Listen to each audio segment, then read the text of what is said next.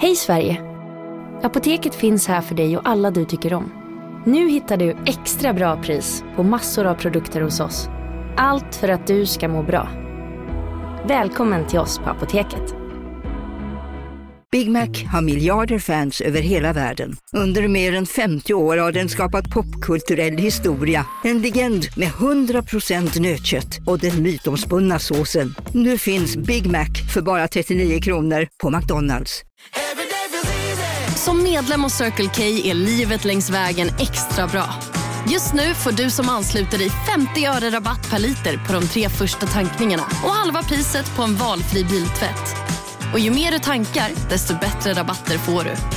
Välkommen till Circle K.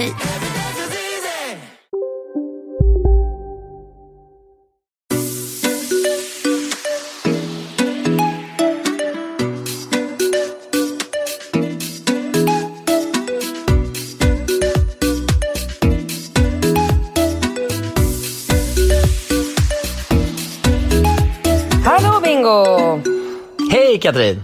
Hur är läget? Ja, men det är bra. Vi eh, är ju alltså när vi spelar in den här podden i Jämtland, närmare bestämt på eh, Prästgården i Revsund. Så Ja. härligt.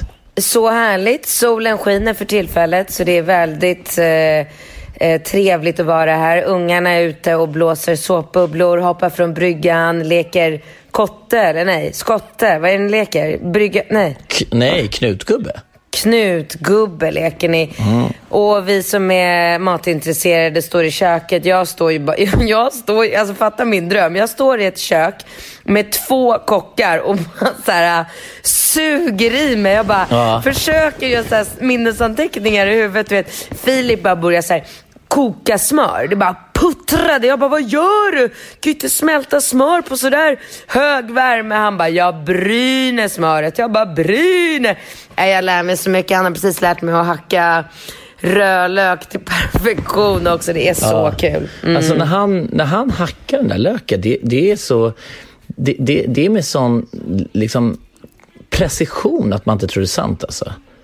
Nej, det är verkligen, allt han gör är ju, eh, ja, man tror inte att det är sant. Det är så... Och det här är alltså, det är ju en liten roligt för den som eh, lyssnar kanske, det är min syster Olivia som är tillsammans och har två barn, Agnes och Ebba, med eh, Filip. Och Filip är då lillebror till eh, Mårten, Mårten Nylén som är, är min gamla mm, parhäst från Karlshamnstiden och som eh, kanske för många känd som eh, Sveriges typ eh, kändaste PT eller träningsprofil kan man säga, eller hur?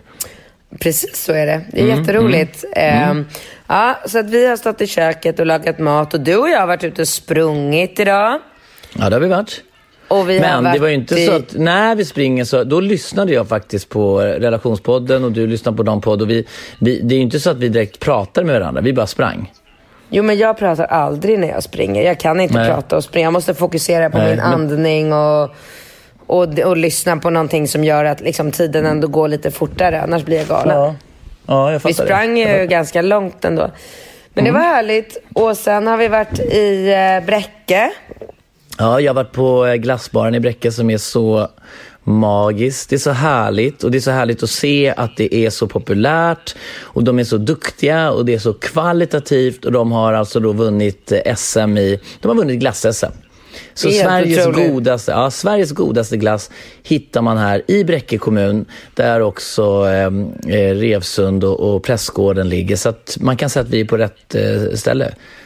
Ja, men det var ju jävligt sjukt när jag frågade. Sen för att jag gick ju och handlade under tiden som ni var och käkade glass. Och sen när jag frågade vad ni hade liksom ätit för smaker och sådär. Då berättade ju Nova att hon hade ätit Red Bull-glass. Det lät ju så jävla äckligt så att... Ja, men den var ju supergod. Men vad då? Jag fattar inte. Jo, men var det verkligen det? Jag åt ju en mjukglass med kaffesmak som var magisk och sen så hasselnöt som jag tycker är gott.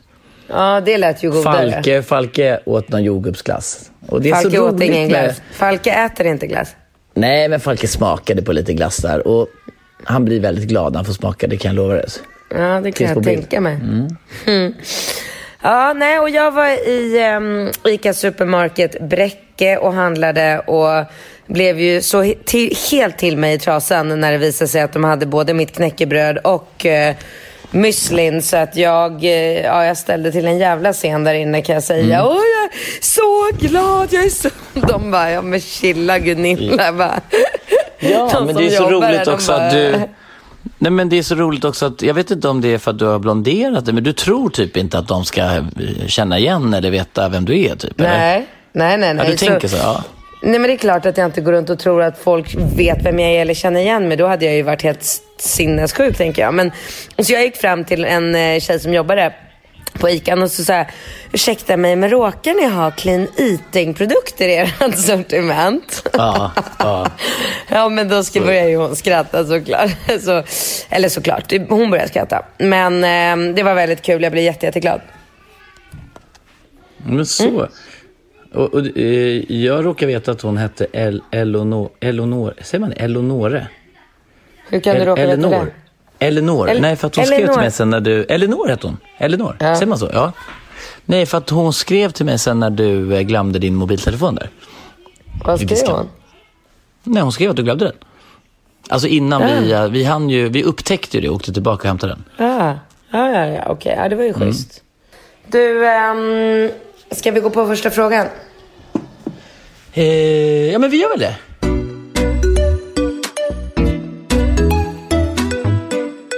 Okej. Vi måste ja. berätta att... Eh, jag, jag, måste ju mm, skryta lite om våran eh, gulliga svåger Linus som är på besök här också. Alltså, eh, Sirpas eh, man Linus är ju nu mitt uppe i inspelningen av eh, James Bond. Han filmar ju James Bond. Nummer 25. Ja, det är så jävla coolt.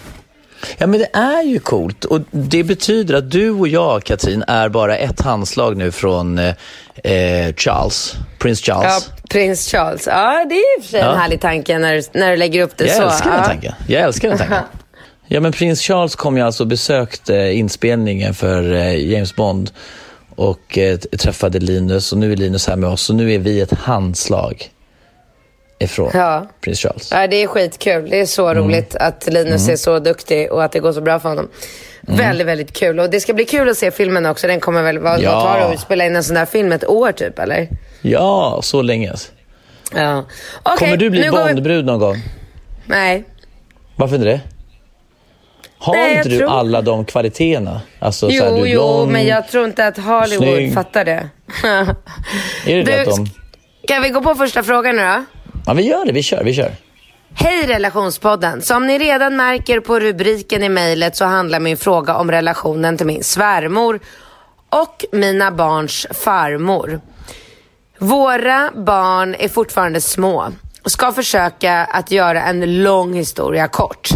Min man och jag blev tillsammans för 12 år sedan. Då vi båda gick sista året på gymnasiet så bodde vi fortfarande kvar hemma. Min nya svärmor var till en början trevlig mot mig men det vände snabbt efter några månader när hon insåg att hennes son och jag menade allvar med vår relation och vi tyckte mycket om varandra. Då vände allt och hon blev galen och svartsjuk på mig.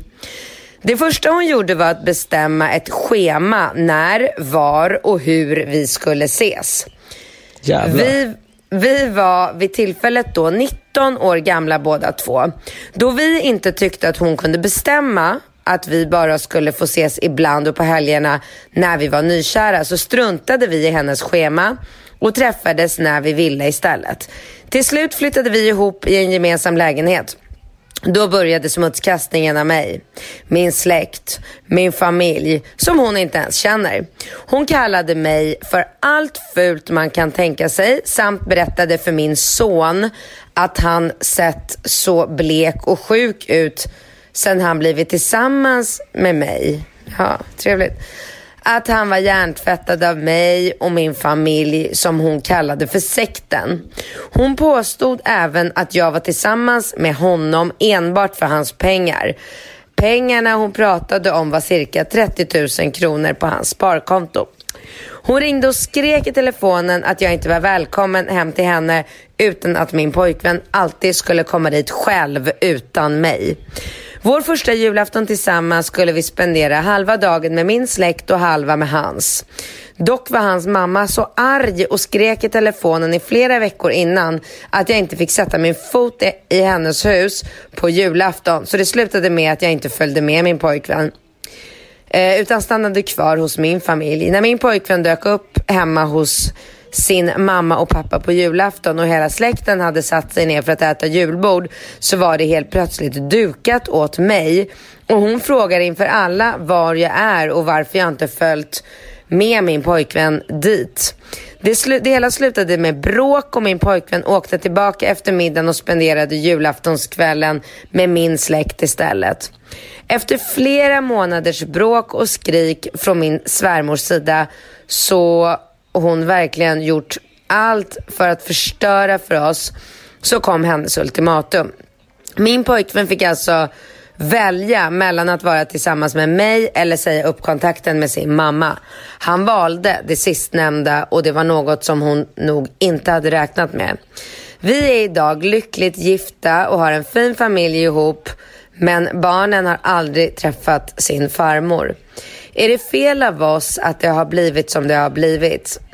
Min man vill inte ta upp relationen med henne och vi känner inte att hon är någon trevlig person som vi vill ha i våra barns liv. Hon har heller inte visat något intresse att följa, vilja försonas eller visat att hon vill träffa sina barnbarn utan istället gett oss en film i julklapp med titeln Som man bäddar får man ligga. Om jag kort ska beskriva min svärmors livssituation så är hon över 50 år gammal och lever tillsammans med min svärfar som är nästan 25 år äldre än hon. Hon har lite svårt att gå vilket har lett till att hon mest har setat i köket i sitt hus i 30 år utan att ha haft något jobb eller någon form av ersättning någonsin. Hon är alltså över 50 år gammal och får som en månadspeng utav sin mamma. Wow. Då hon inte vill ta emot hjälpmedel för sitt handikapp så vet folk inte ens om att hon existerar då hon inte lämnar huset. Vi har bara kontakt med min svärfar som ofta hälsar på oss och barnen trots att han lever tillsammans med min svärmor och vi inte har någon relation till henne. De två har heller ingen relation ihop utöver att de bor ihop. De har skilda sovrum och min man har aldrig ens eh, sett att de kramas. Min svärmor har dock det värsta sovrummet, nej det största sovrummet i huset hen, hemma hos dem med nya möbler, ny säng, egen platt-tv på rummet. Hon lägger alla pengar hon får av sin mamma, cirka 10 000 kronor på kläder och inredning medan min svärfar sover i ett litet sovrum med snedtak har gamla möbler i sitt rum, trasiga kläder, kör en gammal bil, får knappt pensionen att räcka till, lånet på huset, räkningar, mat. Min svärfar betalar allt med sin lilla pension medan hon aldrig har bidragit med något utan bara lägger pengarna på sig själv. Nyfiken på era tankar kring detta och om ni har haft eller vet om någon med liknande problem som vi har. Utöver relationen med min svärmor så tycker vi även att min svärfar förtjänar så mycket bättre än att leva tillsammans med henne. Tacksam för svar. Åh, oh, vilken lång. Uff. Men alltså jag blir helt, alltså det kändes som en så dålig amerikansk skräckfilm typ. Den här, alltså vilken otroligt läskig svärmor. Jag fattar inte hur de kan låta, alltså hur, hur alla i den här människans omgivning bara kan gå med på att hon håller på. I och för sig, jag, jag har varit med, jag kan tänka på två fall liksom där jag har ändå varit med när jag har tänkt så här, herregud, det är en person i den här familjen som får eh, liksom alla att trippa runt eh, runt henne och nej jag pratar inte om mig själv utan nu pratar jag, nej, jag tänkte om... precis säga det, det lät liksom. Jag, ja, bara, jag kunde Gud. tänka mig att du tänkte. Ja. Nej men alltså på, på ett liksom så läskigt, eh, obehagligt sätt så att man kände liksom att det här är inte kul eller hälsosamt. Um, Uh, och det är klart att det är väldigt lätt som utestående. Jag råkade i det här fallet som jag tänker på nu, då var jag liksom flickvän. Mm. Och det är klart att det är ju skitlätt för mig att säga till min pojkvän så här, men gud, ni måste ju bara sätta ner foten, ni måste säga till henne och ni kan ju inte låta henne styra och ställa och sådär. Men, men det är väldigt svårt och speciellt har jag uppfattat det som att det är liksom mamma-son relationen. Alltså, jag vet inte hur många män jag vet om som daltar och håller på mot sin mamma. Liksom, alltså så här, du vet, något fall där mamman, eller flera, nu när jag tänker på det så vet jag faktiskt flera män i min ålder som har mammor som är lite så här, ah, ja men ganska jobbiga, lite småalkade, styr och ställer och liksom förstör mycket för familjerelationerna och de här kararna de vågar ju liksom inte gå emot sin mamma och det, det är väl någon, är det någon så här oidipus-grej i det? Jag vet inte, vad tror du? Nej, men alltså det finns, det är väl väldigt tabu att, att gå emot både föräldrar och syskon och familj. Alltså det, det, det är väl ändå djupt rotat hos oss att vi vill väl någonstans så gärna att det ska vara bra och att liksom att, att ens föräldrar vill man ju såklart ska vara någonting väldigt positivt i ens liv på något sätt ett stöd eller någon person man kan luta sig tillbaka som man kan ta lärdom av och som typ kan, du vet. Och när man då hamnar i en sån situation som de har gjort, till och med, alltså det de beskriver är ju så absurt så att det är ju så solklart att man absolut inte vill ha med den här kvinnan att göra. Men de är ändå så vacklar de inför det faktum att de har liksom tagit avstånd från den här personen och bara så här, gud, kan vi göra så här? Gör vi rätt? Och vårt svar blir ju så här, ja, ni gör rätt. Ja, ni behöver inte ha kontakt med en sinnessjuk människa bara för att det råkar vara en mamma. Hon beter ju sig, det är ju under all kritik, hennes beteende. Ja.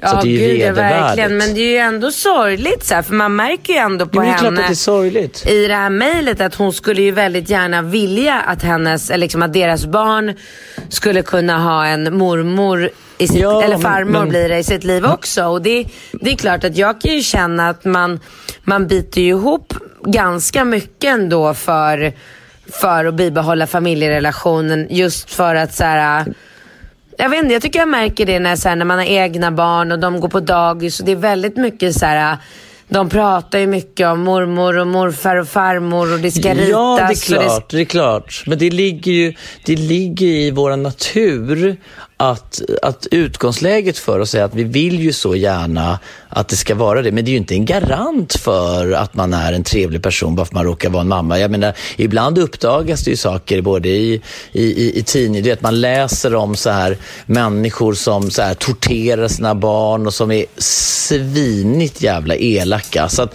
någonstans så har man ju den här bilden av att en mamma bara är en god hjärtad person som vill ta hand om sitt barn. Men det, det, det dyker ju hela tiden upp exempel på helt sinnessjuka föräldrar som beter sig som riktiga jävla rövhål. Mm. Så att, men, men samtidigt så är man ju så här, utgångsläget är ju någonstans att man vill och det hör man ju på henne. Hon bara, mm. ja mm. nu har inte vi någon kontakt med henne, gör vi rätt, gör vi fel? Men det är klart att ni är rätt. Det är väl bara, det är väl livets lotteri liksom. De flesta har väl svinhärliga svärföräldrar, kanske med en udda personlighet men ändå med ett stort hjärta och som vill väl. Men ni har ju bara, ni som, eller du som skriver det här mejlet, du har ju bara haft otur och fått ja. en, en vedervärdig, ondskefull dumskalle till svärmor. Man ska alltid försöka att se på nej, det som är positivt. Nej, kan inte jag få prata nej, till Sluta. Hallå? Slu men, men, du har alltså, ingen aning om vad jag... Men jag ska inte prata om den personen. Du kan väl låta mig få prata? Ja, det kan alltså, jag. Nu beter ju du dig som en hysterisk person. Det Nej, jag, ville säga, jo, det jag ville jag säga, säga var att man ska försöka se det positiva i alla situationer för då mår man mycket bättre själv. Och det positiva i den här situationen det är att de verkar ha en fantastisk farfar som trots att han lever liksom under den här tyrannen så tar han sig ändå liksom, alltså i kragen och har en relation. Alltså det, hon hade ju lika gärna kunnat stå och bara skrika på honom på samma sätt som hon har skrikit på dem och förbjuda och ställa ultimatum så att han hade inte vågat gå, men han besöker ju dem regelbundet så det var det jag ville säga att de har ju en farfar i alla fall som de har en bra relation med. Ja, Absolut, men jag, jag, jag, tänker också att för deras egen skull så måste man ju också någonstans acceptera det faktum att det här är ju en person som, inte, som har grava problem och beter sig jävligt illa och man har inga skyldigheter mot en sån människa. Liksom. Nej. Så att, eh, Och, och Nej, när man men- kommer till den insikten så är ju det ganska skönt. För då behöver inte hon liksom gå och känna att hon har dåligt samvete och så. Sen så tycker jag den stora utmaningen här, det är så här, hur förklarar man för ett barn att Casino, go, go, casino, go, go, casino. go, go. Har du sett att Dogge är nu ansiktet utåt för Ja go, men go? alltså snälla den där reklamen snurrar ju hela tiden och överallt. Låten är grym, den sätter sig, man blir glad, man vill spela på Man- ett förståndigt sätt. Såklart, men man blir ju faktiskt, alltså Dogge är ju en glad prick. Ja, ja, Han ja. sprider väldigt mycket Det är positivitet. positiv Ja. energi. Den här jackpotten bara ökar. Sist jag kollade var den på 215 miljoner.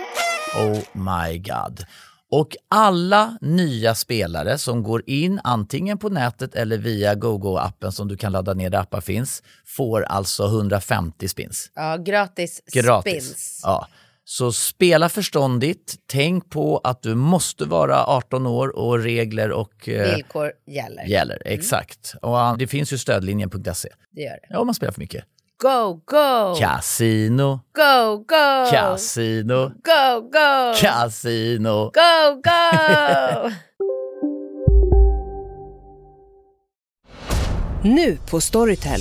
Försvarsadvokaten Lydia Levander får chansen att lösa sitt största fall genom att försvara en misstänkt mördare. Hur långt är hon och kollegorna på advokatbyrån Pegasus beredda att gå? Fallet Mikaela. En ny deckare från succéförfattaren Anna Bågstam. Lyssna nu på Storytel.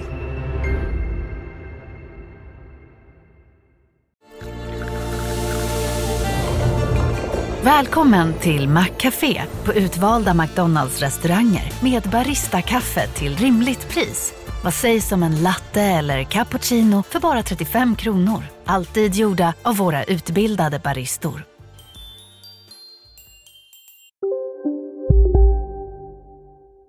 Ens farmor är en, en ondskefull idiot. Ja, jag vet inte vad jag ska säga. Jag bara tänker så här, hur förklarar du för Ringo och Rambo och Nova att de så sällan träffar din pappa till exempel?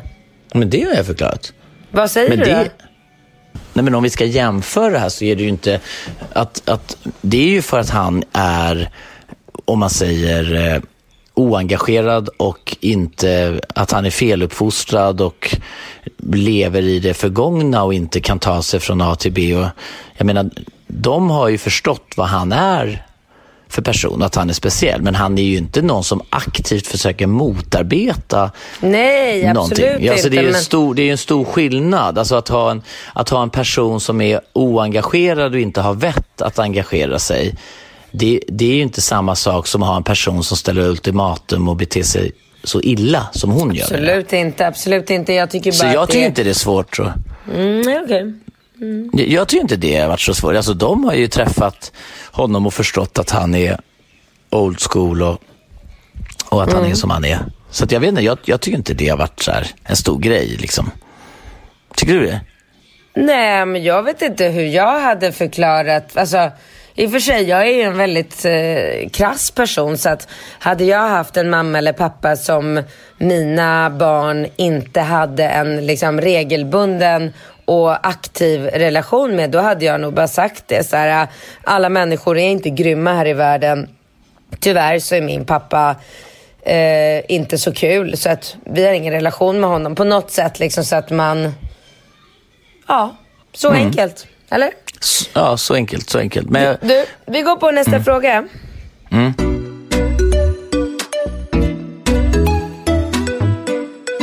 Hej bästa Katrin och Bingo och tack för världens härligaste podd. Jag är tillsammans med min pojkvän sedan drygt två år tillbaka. Har världens lyckligaste förhållande, allt har verkligen varit perfekt och vi har så sjukt, sjukt kul tillsammans. Men nu till problemet. När jag igår kom hem från jobbet efter att ha jobbat natt så har han somnat ifrån sin telefon.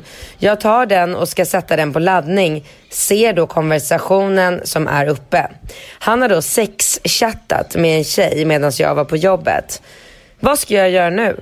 Älskar honom innerligt men vet heller inte om jag kommer kunna lita på honom igen. Han har alltså inte träffat någon eller haft sex med någon annan men att sexchatta räknas eh, känns rätt illa ändå. Går det att förlåta? Och tror ni på att en gång otrogen, alltid otrogen, så att han kommer göra det igen? PS. Man undrar ju hur spännande och bra sexchattandet var eftersom han somnade iväg Skit, nej, eftersom han somnade mitt i utan att ens hinna skicka iväg sitt meddelande. Sista var skrivet men ej skickat. PS2. Jag vill vara anonym såklart. Man vet aldrig ifall ormen till brud lyssnar på podden. Vadå ormen? Jaha, men hon gör väl inget fel? Eller jaha. Gud, jag tolkar det som att han var ute och, och köpte sex, men det gjorde han ju inte. Men jag tolkar, jag vet inte varför jag på en gång inbillar mig att han hade gått ut på en sajt, betalat för att sitta och sexchatta med en professionell sexchattare. Ja, nej, han verkar ju uppenbarligen Nej, men så ha hittat det någon inte. att roa sig med. Nej. Det här har han alltså suttit och gjort med den här ormen till brud. Mm. Fattar du? Vad Det är ju en vanlig... Men vad då? Ja. Hur kan hon vara så jävla säker på att de inte har gjort någonting? Är hon liksom född i farstun eller? Ja, det tycker jag också är lite anmärkningsvärt. Jag, jag tänkte precis samma sak. Hon bara, de har absolut inte gjort något. De bara, en, det enda de har gjort, hur vet man det? Alltså vad har hon för liksom, belägg för att vara så säker på sin sak? Det tycker jag också är jätte, jättekonstigt. Jag fattar inte. Nej, det kan jag ju säga dig på en gång. Att det finns ju inte... Alltså det, tro, det skulle jag i alla fall aldrig tro att min kille har träffat Ja, någon tjej alltså, någonstans, ja. kanske på nätet eller något. Och så ägnar de sig åt att sexchatta men inte har träffats och Ja, gjort men, det. ja, Fy, men nej, alltså, nej, nej, det köper man Det, inte. skulle, det säger jag absolut. Alltså, om du, alltså, vet du hur många tjejer som jag liksom chattar, eller chattrar med, som du säger, utan att träffa? Jag har inte tid eller ork att träffa någon. Och ibland så kanske man skriver något så här, halv, senast idag någon tjej skrev något lite så här halvsnuskigt och jag skrev, åh vad trevligt. Alltså, sen, sen blir det ju inget mer. Alltså, när ska jag träffa dem? När ska man ha tid? När ska man orka? Alltså det där är ju också så här, det finns, du har absolut inga för belägg för att han skulle ha träffat eller inte träffat eller någonting bara för att han skriver så. Däremot så finns det ju heller inte, hon kan ju inte vara helt säker på sin sak. Det är lika sannolikt att, att han har gjort det som att han inte har gjort det. Hon har ju liksom inga belägg för att det skulle vara på ett eller annat sätt. Så det är ju, så, så tycker jag från mitt eh, perspektiv. Är du med? Mm, ja, okej. Okej, men ja, inte fan. Vadå, men? Alltså, jag, nej, men jag försöker att sätta mig in i den här situationen. Jag kommer hem från jobbet, min kille sitter och sover. Jag kollar ner i hans telefon. Då så har han Ja, men, suttit och bara, ja, "Oj, men då, men då, men då jävla säger vi så här. nu." Då, då, ja, men då, då, då, då säger vi så här, Katrin. Eh, du, du kommer hem från jobbet eller vad du nu kommer hem. Jag har varit hemma där. Eh, nu är inte jag din kille, men jag har varit hemma där. Nej, nej, men vi leker med tanken att jag, att, att jag passade ungarna hemma hos dig. Du kommer hem från något jobbmöte, event, event av eller någonting. Och jag har somnat i soffan. Jag är inte din eh, liksom, kille. Men då menar jag bara att den enda möjliga skillnaden då är att jag skulle ju faktiskt då kanske sitta och skriva med någon på Tinder och somna. Alltså jag skulle kunna vara den killen. Och det skulle inte ens betyda att jag har någon som helst eh, liksom fysisk kontakt eller träffat den här bruden. Nej men vadå, det spelar väl ingen roll om du sitter och håller på och snuskar dig med en tjej. Du har ju ingen flickvän som blir sur. Det här problemet Mm, nej, men- är ju att han har tjej. Va, vad ska han sitta och Ja, men, sexchatta Katrin, när han har Ja, flickvän? men nu pratar vi om två olika saker. Nu, nu, pratar, vi, nu pratar vi om eh, eh, nu, nu pratar vi om huruvida jag har, kommer eller liksom har haft någon fysisk relation. Alltså hon säger så här, de har inte gjort någonting. Och då menar jag så här, det kan lika väl vara så att de har gjort något som att de inte har gjort någonting. Ja okej, men det är Och jag då, med sa, på. då, då Ja. sa du bara så här, det är klart att de har gjort någonting, varför skulle de annars säga så här? Då säger jag så här, ja, men det är absolut inte klart. Man kan absolut sitta och skriva och sexchatta med någon utan att man ens har liksom, haft en endaste liksom, möjlighet att träffa den här personen. För att det är ju därför man kanske gör också, för att man är lite uttråkad, man har en relation som kanske är lite upp och ner och så har man lite förströelse och så sitter man och skriver någonting som man kanske inte riktigt står för, men det betyder inte att man har träffat den här personen. Nej, okej, men Nej. Jag, kan köpa det, jag kan köpa det du säger och jag kan ta tillbaka. Jag råkade kanske ut, liksom vara, svara lite för snabbt och utgå lite för mycket från, ifrån mig själv. För att jag Mm. personligen går, brukar eller jag går ju åt andra hållet. Först träffas vi, sen ligger vi, sen sexchattar vi. Jag skulle ju aldrig, jag tror aldrig i hela mitt liv att jag har suttit och sexchattat med en kille innan jag har haft en sexuell Ja, och- relation. och Så det var därför det, jag... Det är ju superunikt. Jag skulle säga att det är nog väldigt mycket mer vanligt, tror jag, att man träffas, man sexchattar och sen har man sex. Att man liksom Okej. bygger upp någon stämning. Okej, bra. Men då, vilket håll det än, ja, men vilket håll det än liksom i, lutar mot så är det ju då inte någonting bra. För att varför, då är det ju som att, eller hur? Han ska ju inte sitta och sexchatta när han har en tjej. Ja, men, men där är ju också, tycker jag, där är ju utgångsläget hela tiden att kvinnan då, i det här fallet hon som skriver, hon tycker ju då att det här är för jävligt och att det är ett svek och allting. Men det här, det här kan ju vara att de har en bristfällig kommunikation, att han känner sig otillfredsställd på ett sexuellt plan. Det betyder inte att han inte älskar henne, det betyder inte att han tänker vara otrogen. Det finns bara kanske någonting där hos dem där han är lite uttråkad, han liksom söker lite spänning eller någonting. Jag tycker absolut inte att det där är så himla farligt. Alltså. Nej, okej, bra. Men då måste hon i alla fall sätta sig ner med honom och säga att hon känner sig lite missnöjd över det här och fråga så här, varför sexchattar du med en annan tjej? Och då kommer han säga då förhoppningsvis att, nej men vad fan gumman, vi har varit ihop i 12 år, jag bara kände för att göra någonting som var lite spännande. Jag skulle aldrig göra någonting med någon annan tjej om jag, om jag liksom inte får det för dig. Och så kanske det slutar i någonting bra. Eller något spännande. Eller, ja. ja. ja ja. Men jag tycker ju någonstans att utgångsläget, det som hade varit bra för dem, det hade varit om deras utgångsläge var att de började alltså att arbeta med ett gemensamt mål där de ska känna sig så pass trygga med varandra utifrån ett känslomässigt perspektiv där de kan tillåta sig lite såna här utsvävningar, en sexchatt, inte fan vet jag. Sen får de väl göra ett ramverk för vad som är okej inom relationen. Men att reagera som hon gör tycker jag är både tråkigt och onödigt. Det hade varit bättre om de bara jobbade så aktivt så att hon bara kände sig så här, han älskar mig vad han än gör. Om han sitter och sexchattar så är det för att han är uttråkad sexuellt och det har ingenting med hans känsloliv och det han känner i hjärtat för henne. Då tror jag att de kan ju bygga vidare på en mer spännande relation. Då blir inte det här ett jävla issue. Om hon kommer hem där, då kan hon ju se så här, åh gubben, han var lite uttråkad ikväll när jag var på jobbet och inte tillgänglig. Fick han sexchatta lite, det är väl inte så farligt. Istället för att bara, "Åh, nej, nu skriver jag till relationspodden, det här är fruktansvärt, hur kan han göra det här? Då, då har man ju liksom plötsligt Nej, jag, kan, haft ett jag annat hör vad du perspektiv. säger. Jag hör vad du säger. Mm, mm, exakt, exakt. Du ska lyssna mer på mig alltså.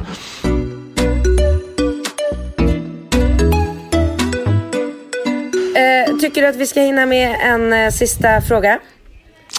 Ja, Ja, alltså det kul. Då tuffar vi på. Jo, men vi, eh, vi, vi Ja, vi hinner med.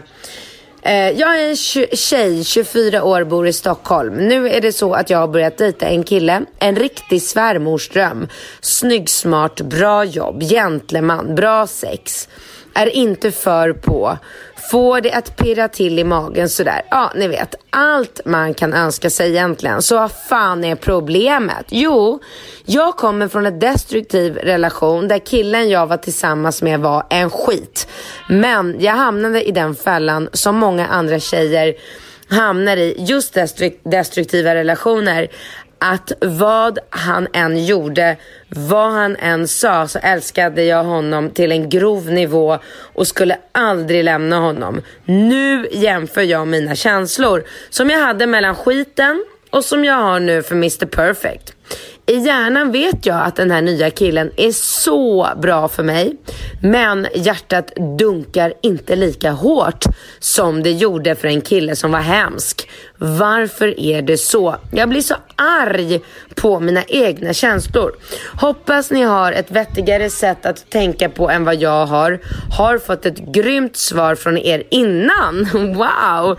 Massa kramar. Det är fan jävla... Då har vi Ja, hållit på ett tag. Ja, jävlar, vi har liksom en- Det här är första gången som det är en tjej som skriver som vi... Det är andra gången vi tar med en fråga som hon skriver. Det är ju kul. Ja. Det är väldigt kul. Det är väldigt kul. Mm. Jag skulle vilja säga på en gång så här. Det här gumman är för att du är 24 år. För att, Jaha. Jo, ja men jag tycker att det här, alltså, ah, fan. Men vadå? går- Du har väl, du har väl eh, tjejkompisar som är äldre och faller för eh, liksom douchebags? Jag känner inte en enda tjej som har gått och bildat familj och skaffat barn med en sån här skit som hon beskriver det som. Nej, Alltså, det men som har ett någonting- känslomässigt... Jo, men det här Alltså- hör till ungdomen. Det här hör till liksom... Ja, jag fattar att...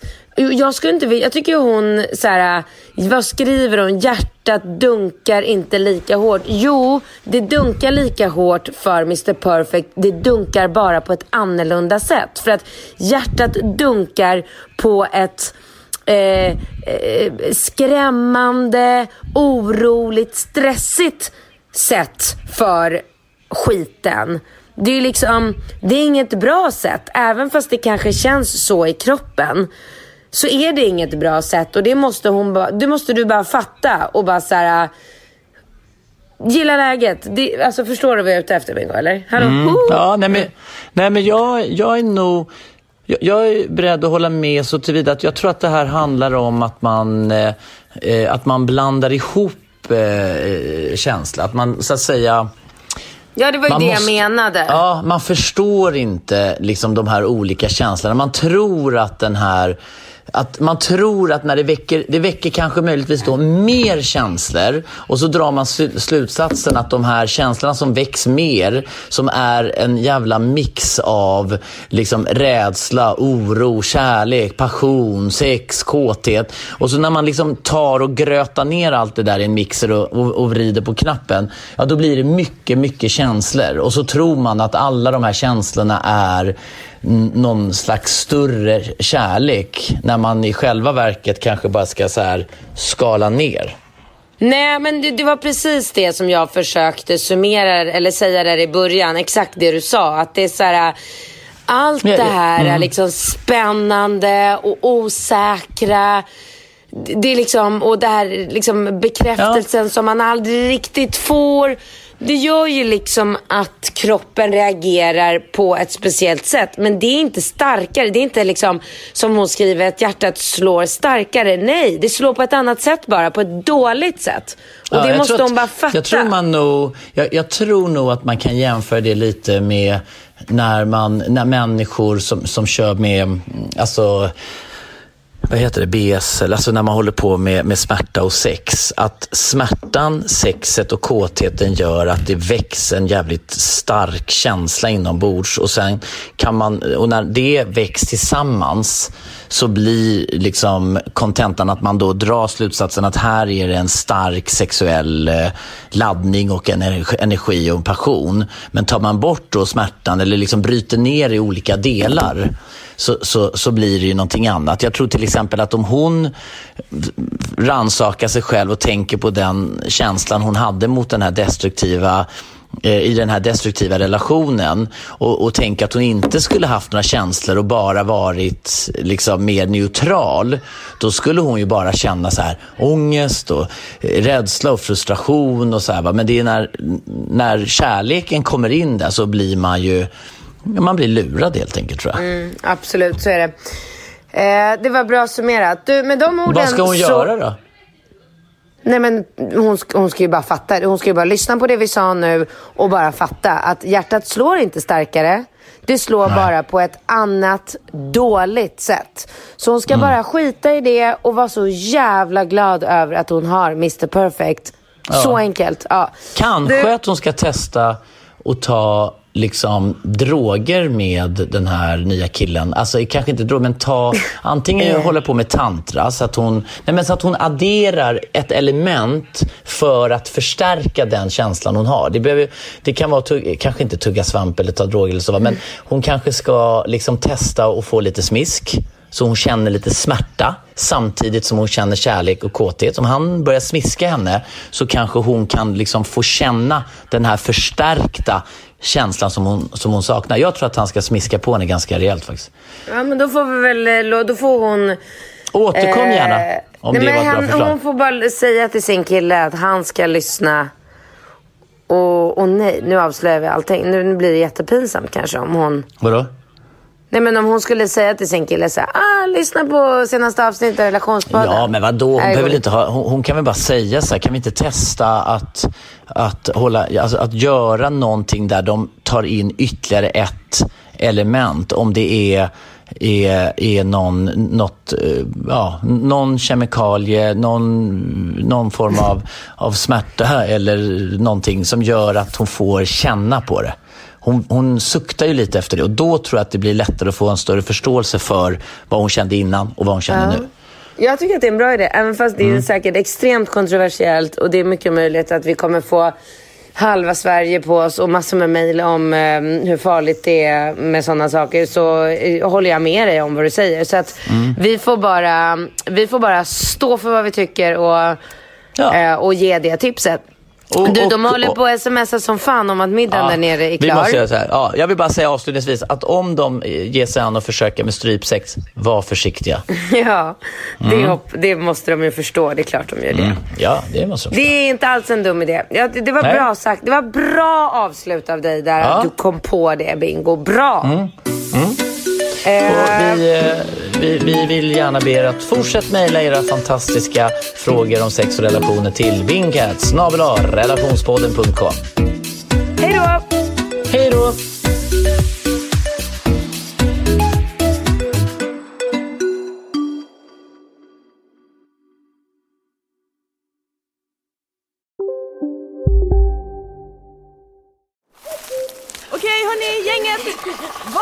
Är vårt motto? Nej, allt är inte alltid som du tror. Nu täcker vårt nät 99,3 procent av Sveriges befolkning baserat på röstteckning och folkbokföringsadress. Ta reda på mer på 3.se eller i din 3-butik. En nyhet. Nu kan du teckna livförsäkring hos Trygg-Hansa. Den ger dina nära ersättning som kan användas på det sätt som hjälper bäst. En försäkring för dig och till de som älskar dig. Läs mer och teckna på trygghansa.se. Trygg Hansa. Trygghet för livet. Hej, Synoptik här. Livet med glasögon ska vara bekymmersfritt. Därför får du 30% på alla glasögon när du väljer Synoptik All Inclusive. All service ingår alltid. Välkommen till Synoptik.